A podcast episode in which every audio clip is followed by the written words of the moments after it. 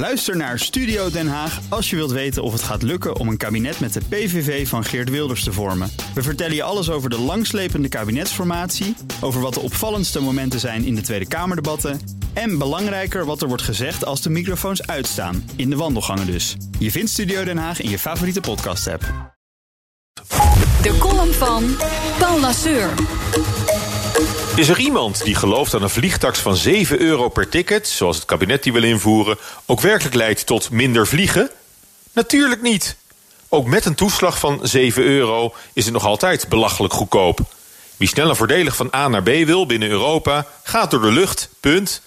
Daar gaat deze vliegtax niets aan veranderen. Die 7 euro was je toch al kwijt aan een latte macchiato op de luchthaven. Zolang je nog voor een paar tientjes naar Barcelona of Londen kan vliegen, gaat geen enkele weekendshopper kiezen voor de trein. Het spoor blijft voorlopig op zijn best een langzaam en duur alternatief voor het vliegtuig.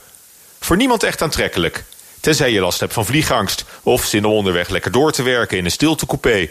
Maar dan zat je al in de trein. Schiphol schrapte zaterdag 100 vluchten vanwege de harde wind. Slecht weer houdt op één dag al meer vluchten aan de grond dan deze vliegtax in een heel jaar voor elkaar krijgt straks. Het milieueffect van de heffing is dan ook nihil. Het is een pure symboolmaatregel. Maar wel een die ik van harte onderschrijf. Want symbolen zijn belangrijk. Zeker in de strijd voor het behoud van onze planeet. De meest vervuilende vorm van vervoer wordt nu het minst belast. Luchtvervoer wordt zwaar gesubsidieerd.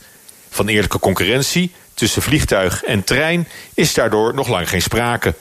Hopelijk is dit een eerste stap om dat recht te trekken. En zonder impopulaire maatregelen van de regering zou het helemaal niet lukken. Het is maar goed dat nu wordt doorgezet. Want het kabinet maakt geen vrienden met de vliegtax, integendeel. Van alle kanten klinkt kritiek. Voor de milieubeweging gaat het niet ver genoeg. Vanuit milieuoogpunt was accijns op kerosine veel effectiever geweest. Dan de luchtvaartsector, die vreest voor banenverlies als reizigers straks massaal uitwijken naar luchthaven Brussel om de tax te ontlopen. En veel burgers tenslotte voelen zich opnieuw gepakt in hun portemonnee. Met de zoveelste heffing die uitsluitend bedoeld lijkt om de schatkist te spekken.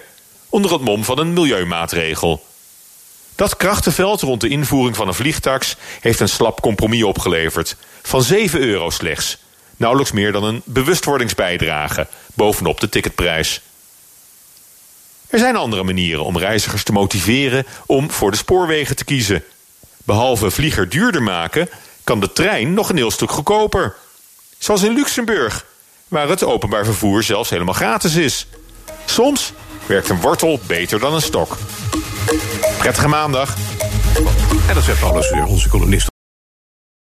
Ook Bas van Werven vind je in de BNR-app. Ja, je kunt live naar mij en Iwan luisteren tijdens de ochtendspits. Je krijgt een melding van Breaking News. En niet alleen onze podcast Ochtendnieuws, maar alle BNR-podcasts vind je in de app. Download nu de gratis BNR-app en blijf scherp.